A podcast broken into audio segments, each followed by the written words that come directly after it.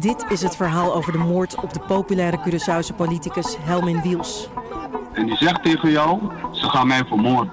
Maar je kan het niet stoppen. Wiels de moordzaak is nu te beluisteren in je podcast-app.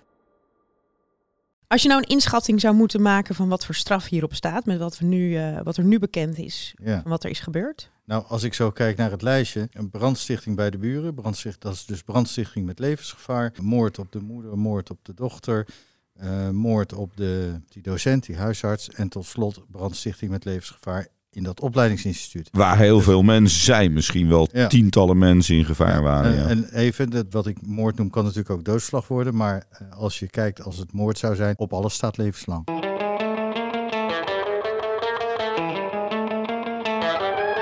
Welkom bij Crime de la Crime, de podcast van strafadvocaten Peter Schouten en Onno de Jong over recht en rechtvaardigheid. Mijn naam is Charlene Heesen, journalist bij het AD en in deze podcast jullie gesprekspartner in crime. We hadden een aflevering in de Steiger staan, maar toen eh, werd het donderdag en toen eh, gebeurde er zoiets eh, schrikwekkends dat we niet, eigenlijk niet anders kunnen dan het hier in deze aflevering over hebben. Donderdag 28 Ja. september besloot Fouad El bij zijn buurvrouw aan te bellen, schoot haar en haar dochter neer, stak daar brand, reed vervolgens op zijn motor naar het Erasmus MC, waar hij een doce- docent neerschoot, ook brand stichtte eh, en vervolgens is opgepakt. Dat is een hele korte opsomming, maar ik denk dat iedereen eh, in Nederland eh, het op de voet Ja. gevolgd heeft wat er vorige week in Rotterdam is gebeurd. Drie mensen dood. Precies. En daar wil ik het eigenlijk graag met jullie over hebben. Vanuit jullie expertise, ja, wat kunnen jullie zeggen over deze zaak? En ik denk dat eh, de vraag die we heel erg veel gehoord he- hebben de afgelopen dagen is: hadden de autoriteiten niet meer kunnen doen? Want bekend is dat er je eh, al een strafblad had met mishandeling. Er waren al heel veel incidenten. Hij was al geschorst op school. De hele buurt was bang. Dat hebben we allemaal kunnen horen in het nieuws. En nog, eh, ja, is dit toch gebeurd? Ja, er waren, er waren al heel veel meldingen. Los van de, de veroordeling die hij had wegens dierenmishandeling, waren er ook een heleboel meldingen eh, vanuit de buurt, van bewoners. Van, er liggen allemaal uitwerpselen van, van, van dieren in zijn Hij werd die woning. kriep genoemd. Ja, en, en eh, ja, ze, waren, ze waren bang voor hem. Eh, hij lag op een gegeven moment half naakt in de tuin op een hoop bladeren. Lag hij te schreeuwen en te lachen. Kortom, men vond dat hij psychotisch gedrag vertoonde. En dan denk je van ja, moet je dan als overheid ingrijpen? Kan de overheid dan in zo'n geval iets doen? Nou ja, er zijn natuurlijk mogelijkheden. Ik bedoel, als dat soort meldingen binnenkomen en er liggen al veroordelingen aan ten grondslag en er is sprake van psychotisch gedrag, dan kun je als openbaar ministerie kun je bij de rechter een zogenaamde zorgmachtiging aanvragen. En dat betekent dat iemand gedwongen zou kunnen worden opgenomen. Wat ook kan, is bijvoorbeeld dat een burgemeester een soort crisisinterventie doet en een crisisopname eh, realiseert. Dat wat- zijn wel mogelijkheden. En wat hier natuurlijk eh, belangrijk is, is dat er eh, een aantal feiten waren geconstateerd en ook eh, voor de rechter zijn gebracht die te maken hadden met dierenmishandeling. En ook wel ernstige dierenmishandeling. Hè. Hij had eerst eh, op eh, karpers geschoten met een kruisboog. En toen dat hij daarop betrapt werd, had hij gezegd van ja, die hebben toch geen gevoel. Dus wat is er nou precies aan de hand? En hij had in zijn achtertuin had hij konijntjes doodgeslagen tegen de muur. En dat was ook gezien en gerapporteerd. En hij had ook nog eh, zijn eigen hond eh, mishandeld. Ja. En het is wel zo dat, eh, nou ja, ik, ik, ik zie Onno natuurlijk al in elkaar krimpen, want die heeft echt een bloedhekel aan dierenmishandeling. Maar het is ook wel zo dat in, in bekend is, ook uit onderzoek bijvoorbeeld van Douglas, iemand die, die veel heeft geschreven in Amerika over seriemoordenaars, dat eigenlijk mensen die dieren mishandelen op een hele ernstige manier, hè, dus, dus gewoon dieren doodmaken, ja, dat die heel erg bezig zijn met het testen van geweld op mensen. Dus dat had hij al. Sowieso waren er heel veel van dat soort specifieke kenmerken die je vaker ziet bij bijvoorbeeld ook bij die Amerikaanse eh, sh- shoot, of ik wou zeggen school shooters, maar ze schieten ook nog wel eens op andere plekken. Dat er aankondigingen zijn op sites. Ja, Eh, dat, dat, dat was hier in feite ook het Ja. geval. Hè? Er Ja. waren op, op social media, 4chan en zo, waren er uitlatingen die je als zodanig zou kunnen beschouwen. Liet daarbij blijken dat hij, dat hij haat had a- tegen een aantal mensen, dat hij eh, death to normies. Ja, en, ja. Weet je, het, hij, hij haatte vrouwen. Dus Ja, hij had een hele bijzondere ma- manier eh, van denken over wat hij eigenlijk met zijn medische opleiding wilde gaan doen. Want hij wilde kunstmatige baarmoeders eh, gaan eh, ontwikkelen. Zodat je eigenlijk vrouwen dus dan niet meer nodig Dat had voor de, voor de voortplanting. Ja. En daar kwam ook Ja. wel uit voort. Je hebt het ook met de zogenaamde incels. Hè. Dat zijn dan mannen die eh, ja, eigenlijk eh, vrouwen gewoon eh, haten in alle aspecten. En, Ja. en daar had hij eh, veel van weg. Overigens misschien nog even aan, aan toe. En dat eh, is ook omdat ze incels nog specifiek ongewenst celibatair zijn. Ja. Dus omdat, ook omdat vrouwen ze geen aandacht geven. En ik moet zeggen, toen ik dit dacht, dit is ook zo'n typisch voorbeeld van zo'n incel die allemaal lelijk eh, vergift op het internet stuurt vanaf zijn zolderkamer en vervolgens een keer knapt. Ja. Ja. Eh, maar goed, dat is een beetje wat je afgaan op wat, eh, op wat voor informatie we nu allemaal krijgen. Dus er is een mogelijkheid, zo, je noemde dat de, de burgemeester of politie heeft de mogelijkheid om een eh, eh, zo'n gedwongen opname, psychiatrische opname, eh, af te dwingen, bij wijze van spreken. Ja, die, mo- die mogelijkheid is. Maar- ja. Want even advocaat van de duivel, want als ik in mijn naakt in de tuin lig op een eh, stel bladeren en ik, de buurvrouw heeft de macht om mij door de politie op te laten sluiten, zo, dat. ehm, Nou ja, nee, kijk, het ligt eraan wat je daarbij doet op dat moment. Hij, hij lag eh, half naakt op een, eh, op een stel bladeren en lag te schreeuwen en te gillen. En dat is toch op zich heel vreemd. ja. Eh, maar dat jij dat niet doet als je op een stel bladeren Alleen ligt. als het volle maan is. Ja, precies. Nou ja, dat is dan weer een puntje waar we rekening mee moeten houden. Maar eh, je moet dit natuurlijk ook zien in combinatie met al die andere incidenten die er waren. En Ja. ook, ook de veroordelingen die, die, Ja. die, die er zijn Nou, dat was dus wel aanzienlijk, maar moet je hier dan dus uit opmaken dat het heel erg moeilijk is om uiteindelijk, dat er dus heel veel voor nodig is om, eh, we hebben het ook in die op, op eh, stalking aflevering over Ja. gehad, dat, er, dat je vaak ziet dat er toch nou ja, bij milde eh, dingen, niet zo heel, ook al, bij, ook al zijn die milde dingen bij elkaar opgeteld, dat er toch nog geen echte actie wordt ondernomen. Nou ja, kijk, als je als OM de indruk hebt dat iemand een gevaar is voor zichzelf of voor zijn omgeving, Mhm. nou ja, en gelet op de incidenten die er zijn geweest, zou je daarvan mogelijk kunnen spreken. Dan moet je in ieder geval nader onderzoek gaan doen. En dan moet je gaan kijken of het noodzakelijk is dat je zo'n zorgmachtiging gaat aanvragen bij de rechter.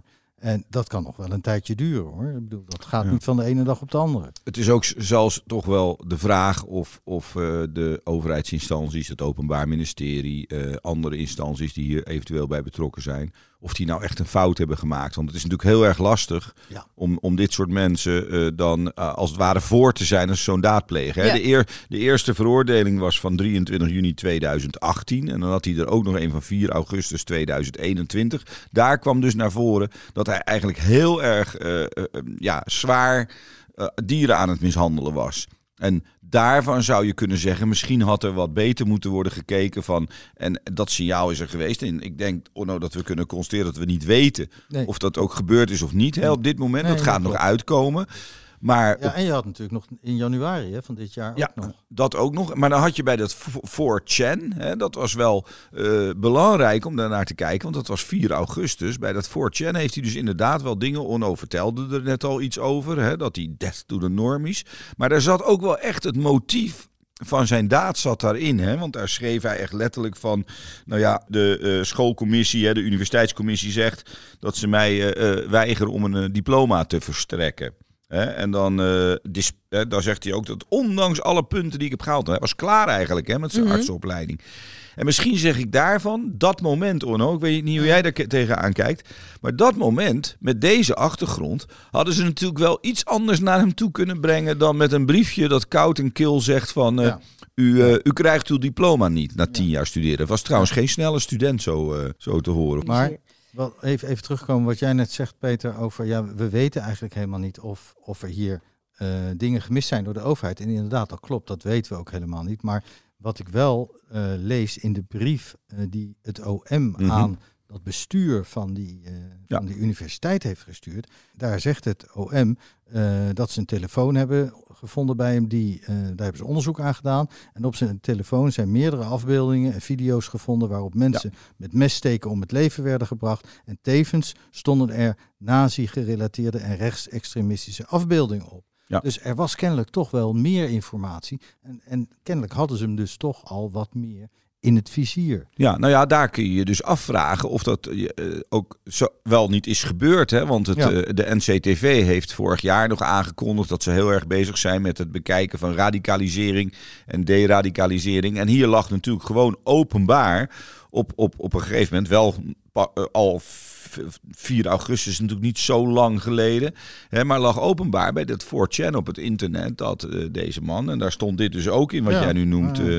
eh, Ja, precies. Dus de OM nam wel het initiatief om eh, de universiteiten van weerhouden om hem eh, arts te maken, maar dan niet het initiatief om eh, stappen Nou, te ondernemen. Je zegt het iets te sterk, denk Ja? ik, om het Ja. te weerhouden. Eh, dat Te denk ik niet. adviseren. Eh, Nou, ze hebben vanuit hun verantwoordelijkheid voor de openbare orde en de samenleving, hebben ze als OM gemeend dat ze dit moesten delen met de Ja, het is meer op instantie de hoogte stellen van. die Doe ermee wat je erover wil. gaat of iemand basisarts kan worden. Mm. Of En dat niet. hebben ze wel goed gedaan. Vind ik hè. wel, Dat hebben ze uitstekend Ja. gedaan. Ja. Dat wapenbezit, hè? want we, we we weten dus dat hij eh, al in bezit was van een kruisboog. Nou, dus, ja, mag dat eigenlijk, een kruisboog hebben? Nou ja, in, in, in Nederland en België, ik heb het net nog even snel opgezocht. In Nederland en België mag je een kruisboog hebben, dat is legaal.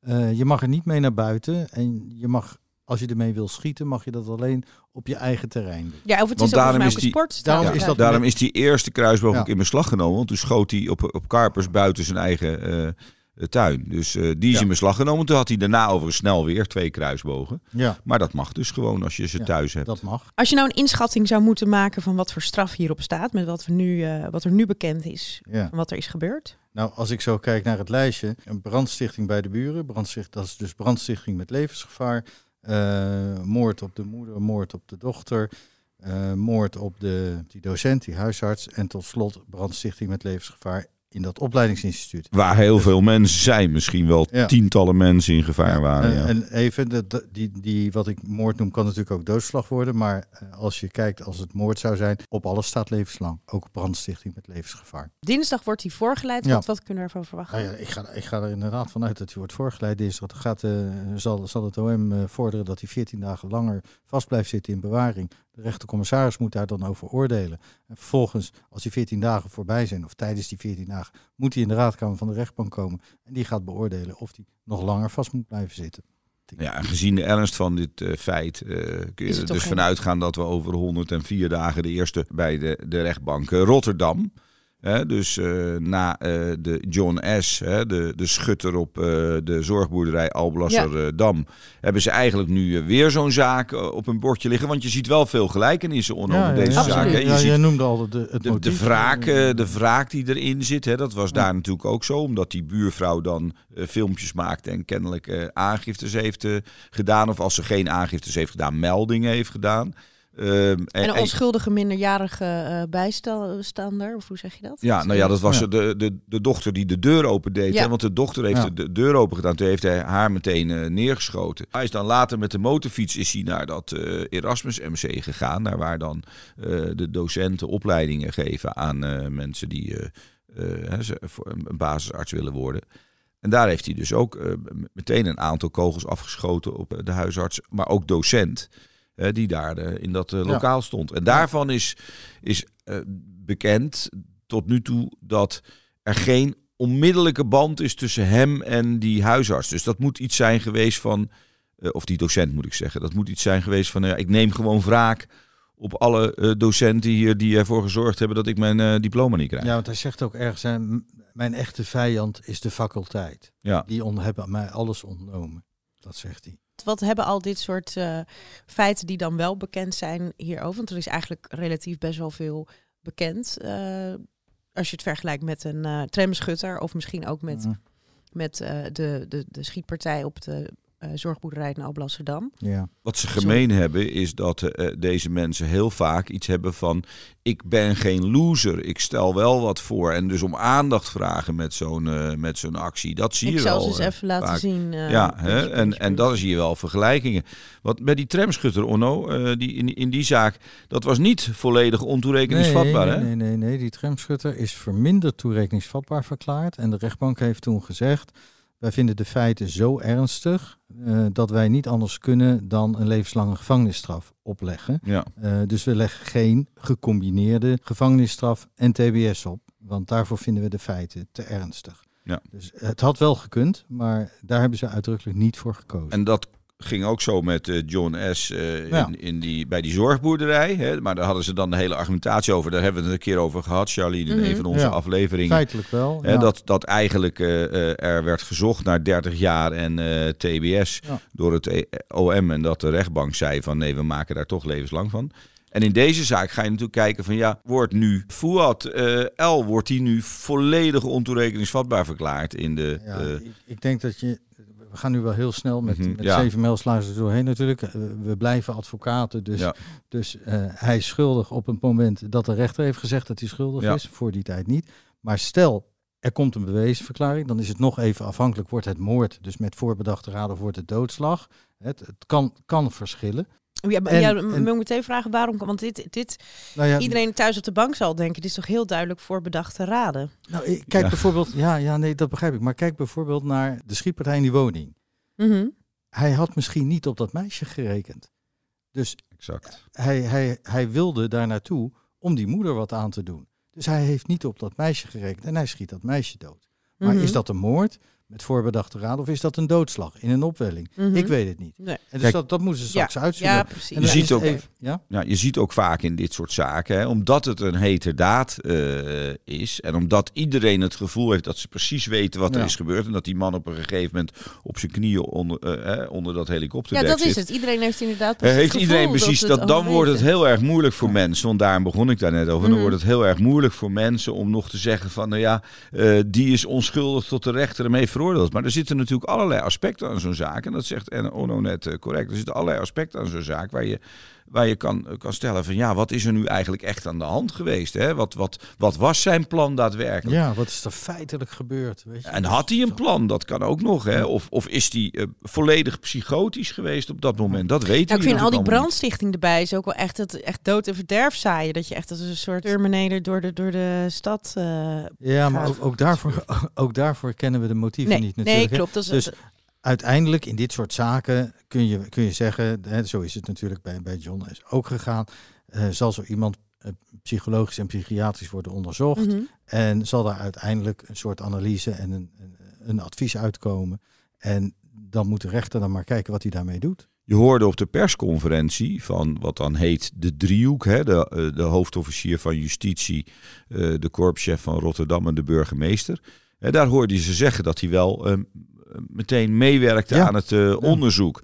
Dus dat geeft eh, misschien hoop aan heel veel mensen die dit toch moeten kunnen verwerken. In heel eh, Rotterdam is dit natuurlijk een verschrikkelijke slag voor de gemeenschap. Nou ja, voor de nabestaanden, daar hoeven we het eigenlijk niet over te hebben. Wat, hoe, hoe erg kan het zijn?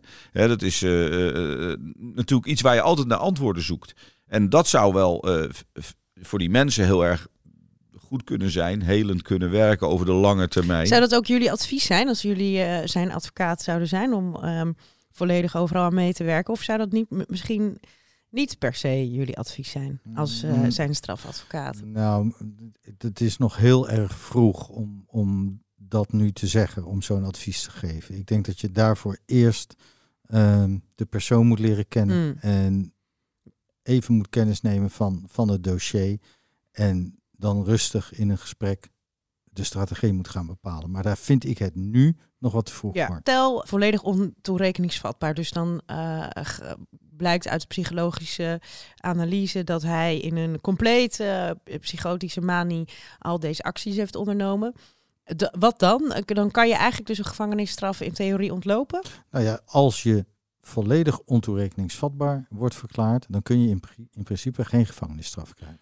Maar het is niet ontlopen, hè? want het is, het is meer dat je kunt zeggen van ja, als iemand geen besef heeft van goed of eh, kwaad, omdat hij psychotisch is op dat moment, ja, dan, dan is het ook niet terecht als iemand straf krijgt. Hè? Dan moet iemand gewoon eh, behandeling krijgen. Maar bij, wel, wel TBS natuurlijk. TBS ja, precies. en- dus een andere invulling van de opsluiting. Ja, dan en, eigenlijk. en als je dan kijkt naar, naar wat deze eh, man allemaal heeft aangericht, ja, dan hoef je niet ongerust te zijn dat die eh, heel snel weer buiten. is. heel snel weer buiten is. Die, die, eh, dat dat eh, wordt wel een, eh, een, een, een enorme behandeling. Dus het is niet zozeer dat men. Ja, je, je, je moet niet gaan denken dat het altijd maar eh, nodig is om, om, om straf te geven. Als mensen het echt niet weten wat ze gedaan hebben op dat moment. Maar ik, je- ja, het, eh, hier, hier moeten we dat allemaal afwachten. Ja, En, en Onno zegt terecht van je kunt eigenlijk helemaal niet met de gegevens die wij nu hebben, Nee.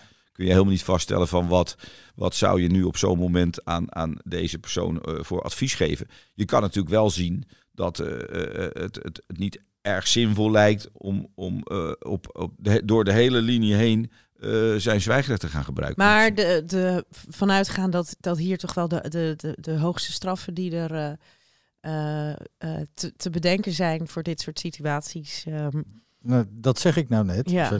Dat weten we niet. Want we weten niet exact wat er gebeurd is. En misschien is die wel volledig ontoerekeningsvatbaar. Nou, dan krijgt hij geen straf. Dan wordt het alleen een maatregel.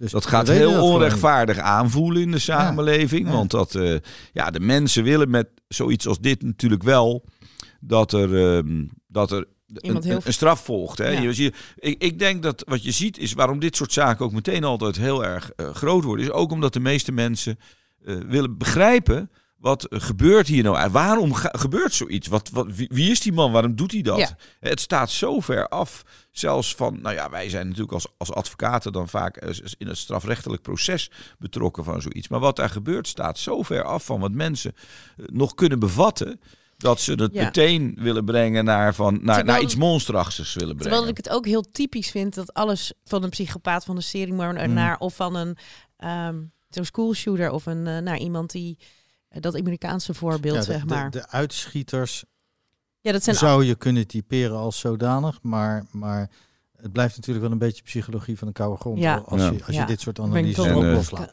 En, en, en, en, kroegpraat natuurlijk. Maar er zitten een aantal dingen wel in die wel apart zijn. En die mogelijkwijs uh, copycat gedrag zijn. En dat is bijvoorbeeld het dragen van een kogelwerend vest. Ja. En dat heb je in een aantal malen bij een school shooting in Amerika gezien. Waarbij dan later de verklaring kwam dat diegene die dat uh, droeg, dat hij niet wilde dat hij gehinderd zou worden, dus tegengehouden zou kunnen worden om zoveel mogelijk slachtoffers te maken. Ja.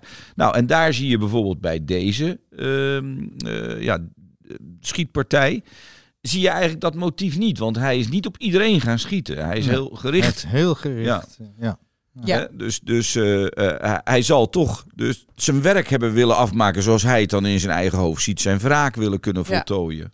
Jij staat ook uh, regelmatig slachtoffers bij. Wat zou een, een slachtofferadvocaat voor deze nabestaande, wat zou die voor deze nabestaande kunnen betekenen eigenlijk? Nou, in de eerste plaats door te zorgen dat het dossier heel snel naar uh, de nabestaanden uh, gaat. Omdat zij erg veel behoefte hebben aan informatie en alles echt willen weten. En tot op de komma willen kunnen uitspellen van wat is er nou gebeurd. Soms zit daar dan een, een probleem omdat bijvoorbeeld ze ook als getuigen moeten kunnen worden gehoord. Nou lijkt mij in deze zaak dat wat minder een probleem. En dan natuurlijk zij niet alles mogen weten wat er in dat dossier staat. Maar dat is vaak hun eerste behoefte. Het, tweede is natuurlijk goed met ze doorspreken wat ze uh, uh, kunnen verwachten. Dat ze uh, weten van welke mogelijkheden zijn er nu. Nou, en daar heeft Onno natuurlijk net al iets over gezegd. Dat het ja, moeilijk is om vast te stellen van wordt dit nou toch volledig ontoerekeningsvatbaarheid met alleen meteen TBS? Of is het toch zo dat je kunt zeggen van nou deze man heeft een doktersopleiding kunnen afmaken. En hij heeft ook dan weliswaar misschien een rode knop in zijn hoofd omgezet, waardoor het allemaal is ontstaan. Maar kun je zeggen van het wordt alleen maar verminderd toerekeningsvatbaar, zoals bij de tramschutter dan gebeurde. En dat willen die mensen wel graag. Daar willen ze heel vaak toch wel alles van weten, hoe dat in elkaar zit. Dus die voorlichtingsfunctie, die is ook heel belangrijk. En op een gegeven moment krijgen ze dan een slachtoffergesprek met het, eh, nou in dit geval voor nabestaanden natuurlijk, met de officier van justitie. En die gaat dan uitleggen hoe hij deze zaak gaat aanvliegen en wat hij ziet als, uh, is het nou voorbedachte raden of is het uh, doodslag? Dat wordt dan allemaal uitgelegd daar. En dat, uh, ja, dan willen mensen altijd van de officier van justitie weten wat voor straf gaat die eisen. Maar dat uh, wordt eigenlijk nooit in die bijeenkomsten verteld. We zijn weer iets meer te, te weten gekomen en we houden deze zaak natuurlijk in de gaten. Als er meer ontwikkelingen zijn, dan wijden we misschien nog een keer een, een aflevering aan. dat was dit voor deze keer Crime de la Crime. Hebben jullie vragen of reacties? Mail dan via gmail.com en abonneer je via je favoriete podcast-app om niets meer te missen. Tot volgende keer. Dit is het verhaal over de moord op de populaire Curaçaose politicus Helmin Wiels. En die zegt tegen jou, ze gaan mij vermoorden. Maar je kan het niet stoppen. Wiels de moordzaak is nu te beluisteren in je podcast-app.